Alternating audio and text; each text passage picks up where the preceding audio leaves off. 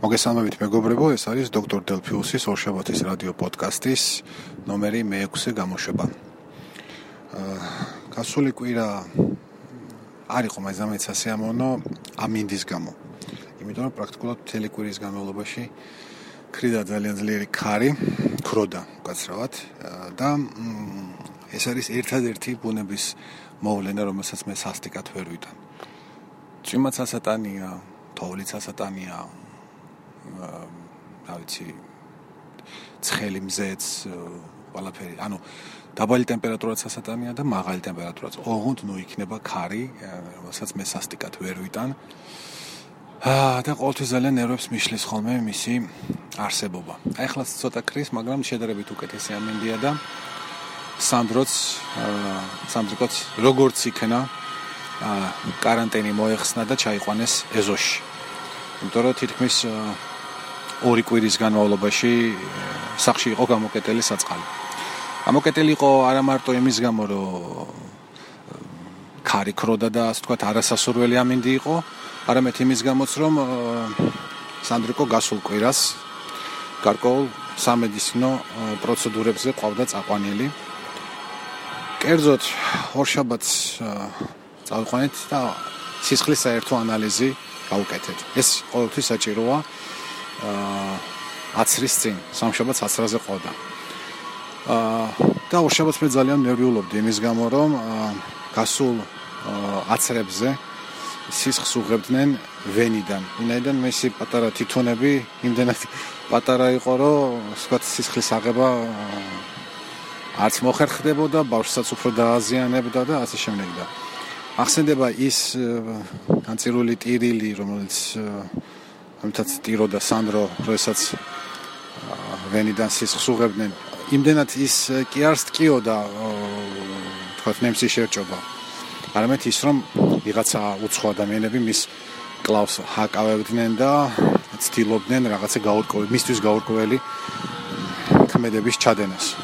რაც ეს ჩემს ნერვებზე ძალიან მოქმედებს სასტიკად მოქმედებს. აა ორშაბათს რომ მივედით ეგთანმა გვითხრა რომ თუ გნებავთო ბავშვს სისხლს თითიდან აუღებო რაც ძალიან გამიხარდა იმ წუთში დავთანხმდით პრაქტიკულად არც არაფერი არ უგზნია არც უტირია უბრალოდ გაკურებული იყო რომ თითიდან რაღაცა წითელი სითხე მოდიოდა მაგრამ ძალიან შვიდად გადაიტანა. და ასე ვთქვათ შვიდობიანად დავაბრუნეთ მერე სახლში. აი სამშაბათს კიდე წაყვანილი ყავდა უკვე ხუდშაურის კლინიკაში, სადაც ის დაიბადა, გაჩნდა. აა და აცრის გარდა, რომელიც ერთი წლის ასაკში უკეთდებოდა ბავშვებს, და ეს არის წითელა, წითურა, ყვაყურა და რაღაცე, მოკეთ ეგრეთ წოდებულ ბატონებს რო ეძახიან. აი ამის აცრა გაუკეთდა ერთი ბარძახში, მეორე მკლავში და ეს მართლა ძალიან მტკივნეული პროცედურა აღმოჩნდა მისთვის და ძალიან ბევრი იტირა. ამის გარდა ყავდა ის ჩვენ ნევროლოგთან შემოწმებაზე. და ნევროლოგი ძალიან კმაყოფილი დარჩა, ვინაიდან ბავშვს ყველაფერი აქვს ძალიან კარგ ასე ვთქვათ, პარამეტრებში ჯდება როგორც უნდა იყოს ერთი წლის ბავშვი. და ეს მე რა თქმა უნდა ძალიან מחარებს. მისმა კორნალა კორნალმა ექიმაც ინახულა შეამოწმა წონა, თავის გარშემოწირულობა, სიმაღლე ოდნავ წონაშია მომატებული, იმიტომ რომ პატივცემული ალექსანდრე ძალიან ჭამის მოყვარული გახლავთ და შესაბამისად უყვარს ძალიან ხორცეული კერძები. ну, ამაში მე აშკარად დამემსგავსა.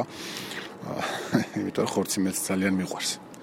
მოკლედ ასეა თუ ისე, სანდრიკოს ჰქონდა დაახლოებით ორკვირიანი каранტინი, რომელიც დღეს უჰუ დასრულდა, როგორც იქნა და როგორც კი დაუნახი ახლა სახლიდან დამირეკეს და მითხრეს რომ დაუნახია ის თავისი წითელი კომბინეზონი რომელშიც რომელსაც ვაცმევთ ხოლმე როდესაც ქუჩაში გაყვავს სიხარულისგან შეხკივილა ერთი გემრიალად.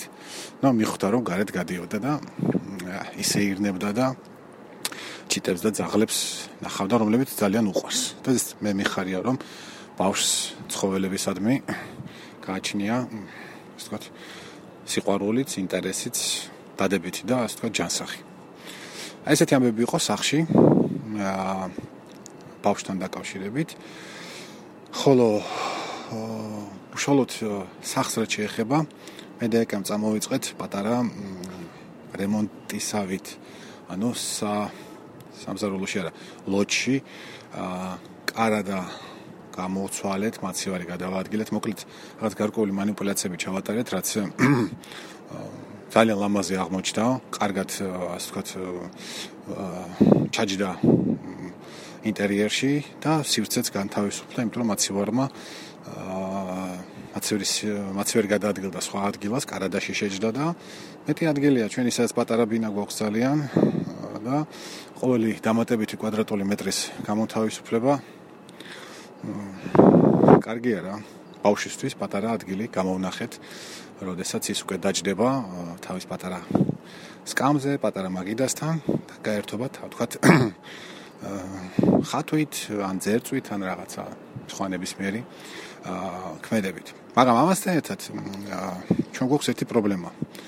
სახლი ბინა უფრო სწორად დაბალი ვენტილაცია გვაქვს, ანუ ვენტილაცია არ აქვს საკმარისი ოდენობით. აა რის გამოც ზოგიერთი კედელი გვიობიანდება. ეს ხდება აი ლოჯის კედელი ზუსტად ეგეთი არის. აა ამიტომაც გუშინ გვიან ღამით სასტიკად დაღლილები. აა ისე რომ აი არაფერს კეთება არ გინდა, მაგრამ ამ დროს უნდა გააკეთო. დავიწყეთ ამ კედლების გასუფთავება. აა ობის მოშორება და ეგრეთ წოდებული მალიარკა, ანუ ავიღეთ ვიყიდეთ დუბლიაჟის ეგრეთ ეძახიან დუბლიაჟის ქაღალდი, რომელსაც ადრე აკრავდნენ ხოლმე შპალერის ქვეშ, ანუ პირველი ფენა ეგ იყო ხოლმე. და ავდექი და უბრალოდ ეს დუბლიაჟის ქაღალდი გავაკარით. ეს არის დროებითი ხერხი, ასე ვთქვათ, იმისათვის რომ მაცივრის უკან გამოთავისუფლებული კედელი და თქვა სხვა მისი დანარჩენი ნაწილი არ გამოჩნდეს ისე ულამაზოდ და ზაფხულისთვის, როდესაც საკმაოდ დათფება, კედლებიც გამოშრება შედარებით, გადაწყვეტილი გვაქვს უფრო მასშტაბური რემონტის ჩატარება უკვე რა თქმა უნდა ხელოსნების მოყვანით. და ხელოსნების მოყვანით იმიტომ რომ არც მე და არც ეკა მალიარად მაინც და მაინც არ ვარგევართ, იმიტომ რომ ეს э, გაკურული ქაღალდი э, ძალიან ძალიან ცუდი ხარისხით არის ასე ვთქვათ გაკრული, იმიტომ რომ ну არა, აქ დამნაშავე ისიც არის, რომ კედლები არის საშილად ბრეცილი. პრაქტიკულად ჩვენთან ჩვენს корпуში ვერ ნახავ ვერც ერთ მართ კედელს. 90 გრადუსზე ხო ლაპარაკი ზედ მეტია э, კუთხეებში. და მოკლედ ან უნდა მთელის ბინა დაანგრიო, გაჯიც მოაშორო და ბეტონამდე დახვიდე და მე გაჯით გალესო მთელის ბინა ეგრეთ წოდებულ მაიაკზე. მაიაკს ნიშნავს რომ ვთქვათ ეს ყველა კუთხეები გასწორდება და მივიღებთ იმ 90 გრადუსებს და ასე შემდეგ. მაგრამ ახლა ამის არანაირი ტექნიკური საშუალება ფინანსური და ასე შემდეგ არ არსებობს. ელემენტარულად მთელი სახლი დავანგრიოთ მე სად ვიცხოვროთ იმ რემონტის განმავლობაში? შეუძლებელია. აა მოკლედ სანამ რაღაც სხვა ალტერნატიული ვარიანტები არ გამოგვიჩნდება, მოგვიწევს ალტერნატიული ხერხებით ამ ბინის მოწესრიგება. მოკლედ ზაფხულში გავაკეთებთ იმ დაობებულ კედელზე ამ ჩვენს ნაცოდვილარ დუბლიაჟის ქაღალდს ჩამოვხევთ რა თქმა უნდა. მოვიყვანთ ხელოსნებს, რომლებიც მეტნაკლებად გამოასწორებენ ამ კედელს, გაასუფთავებენ სოკოსგან, მე დავფარავთ ანტი სოკოს სითხეთი და ხოლო გარედან, აი ევნის მხრიდან ვაპირებ დავფარო პენოპლასტის სპეციალური ფირფიტებით, შევფუთო ასე ვთქვათ ეს ნაწილი იმისათვის რომ შემდგომში როდესაც უკვე დადგება შემოდგომას ამ თარის სიცივეები და სინესტე მაქსიმალურად დავიცვათ ეს კედელი კვლავ დანესტიანებისაგან.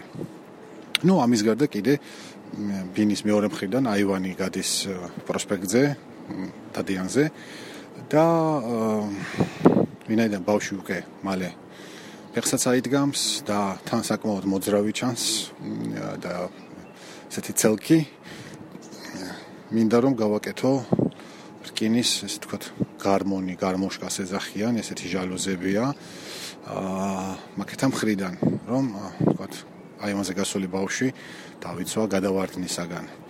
ისთვისაც როგორც მე ვფიქრობ, საჭირო იქნება მერის ზედამხედველობის სამსახურში მისვლა და ნებართვის თუ რა ვიცი რაც ქვია, ამის მიღება, იმიტომ რომ ნუ ფასადის მხარეა, ფასადია, გადის ქუჩაზე და სავარაუდოდ საჭირო იქნება. ნუ თუ არ იქნება საჭირო, ხო ძალიან კარგი, მაგრამ არ მინდა რომ რაიმე კანონის დარღვევით გავაკეთო ეს საქმე და მირჩევნია რომ ყველაფერი ასე თქვა მოვაქციო ჩარჩოებში. აი ესეთი ამბები იყო სახში მოკეთ გუშინ მე გვიან ღამით დავასრულეთ ეს ყველაფერი მოვწესრიგდით გავსუფთავდით რაღაცა და რასაც ქვია ყარივით დაგვეძინა აი მომენტალურად. პრინციპში ეს ასეთი დაძინება უკვე რამდენიმე თვეა ალბათ ძალიან გადაღლილები ვართ და დიდი თხოვნა და ესა რომ აბაშენ შემოგევლე იქნებ დავიძინო. ანუ საკუთარ ორგანიზმს რო უთხრა რა მოდი რა ეხა დავიძინო თვალ სამსახური არ არ არის საჭირო. დავდებ თუ არა ბალიჟზე თავს ეგრევე მომენტალურად ჰოპ დავიძინებ. მოკლედ როგორც ხვდებით ერთი კაი დასვენება არ გვაწყენდა.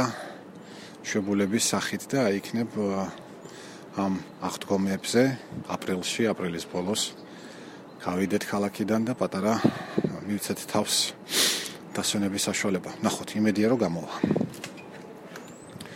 აა კიდე ერთი საკითხი იყო და დღეს ალბათ მეტი ამით სხვა საკითხებით არ მოგაწყენთ.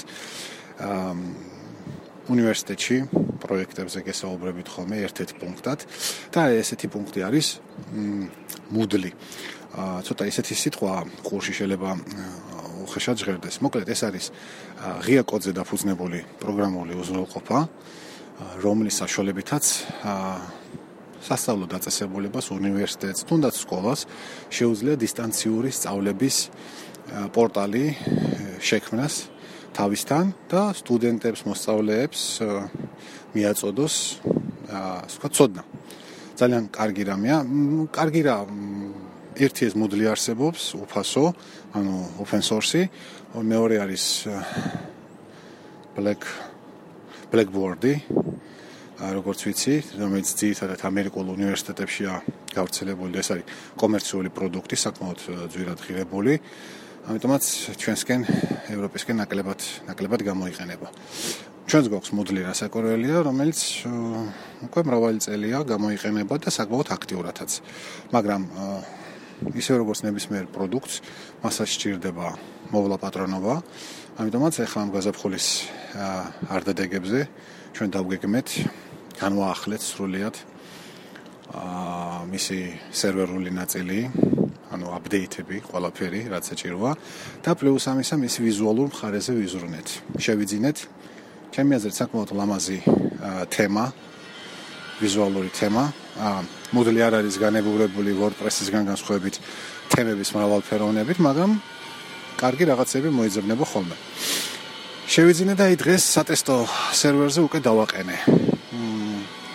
რამდენიმე დღე დაგჭირდება იმისთვის რომ მოვაწესრიგოთ, ასე ვთქვათ, დავვარცხნოთ, დავალაგოთ და მე ამას უკვე გადავიტანთ პროდუქტულ სერვერზე. და ვფიქრობ რომ სტუდენტებიც უფრო კმაყოფილები დარჩებიან ვინაიდან უფრო ლამაზი და მოწესრიგებული იქნება. ასე რომ ილიას სახელმწიფო უნივერსიტეტის IT სამსახური აა განაგზობს მუშაობას წყობრშია და ვფიქრობ რომ ბევრ არაერთ კარგ სიახლეს შესთავაზებს თავის სტუდენტებს. მე კიდე ჩემ ხრივ WordPress აქტიურად ვუზივარ და პრინციპში ეს იმ პუნქტების ჩამონათვალში არ შედის, რასაც დღეს მინდოდა მესაუბრე, მაგრამ ეხლა გეტყვით გაკვირით და შემდეგ გადაცემაში უფრო დეტალურად. მოკლედ ქმნი ახალ პორტალს, რომლის მისამართია geopress.g, რომელიც ჯერჯერობით გამორთულია, მარტო ეს თქვა ტერმინატორი აა გვერდი გაიხსნება რომ შეხვიდეთ. სადაც განთავსებული იქნება ძალიან ბევრი და ძალიან სასარგებლო ინფორმაცია WordPress-თან დაკავშირებით. და ინფორმაცია დაყოფილი იქნება სამ ძირითად კატეგორიად. ეს არის ინფორმაცია დამწყებთათვის ანუ ჯუნიორებისთვის middle middle და ექსპერტებისათვის აა და ვფიქრობ რომ ჩემს გარდა ამ პროექტში კიდევ რამდენიმე ადამიანი მიიღებს მონაწილეობას. აა და ასევე ძალიან დიდი იმედი მაქვს რომ იქნებ კლავ შევეჭიდოთ WordPress-ის მითაფების თემას, რომელიც სამწუხაროდ 1-2 წლის წინათ ვეცადეთ რომ დაგვეწყო, მაგრამ როგორც დავინახე, საკმაოდ მომზადებლები ვიყავით და ვამჯობინე რომ გამეუქმებინა ეს მითაფების სერია, ვინაიდან ჯობი არ ჩაატარო, ვიდრე ჩაატარო და ეს იყოს არასაინტერესო, არაინფორმაციული, არაპროფესიულად მომზადებული, ანუ უბრალოდ მომზადებელი პროდუქტის წარდგენა ნამდვილად არ იქნებოდა კარგი მომხმარებლისათვის და დამსწრესათვის. ასე რომ მოკლედ გეგმები დიდია. წონას რაც შეეხება წონაზე ცოტა ხანი გავჩერდი, ანუ წინა კვირა განსაკუთრებით კვირის მეორე ნახევარი ავიშვით ხმაულობით შევიძახი და აი დღესაც მე და ეკატერინე ერთ ძალიან საინტერესო რესტორანში მივდივართ ძალიან გემრიელი კერძების დასაგემოვნებად. ასეც ასევე შემდეგ კვირას ვისაუბრებ და რესტორნის სახელსაც გეტყვით. ამით ახლა დღეს გემშვიდობებით, ყოველას წარმატებულ სამუშაო კვირას გისურვებთ. ნახვამდის, კარგად ზანდებოდეთ.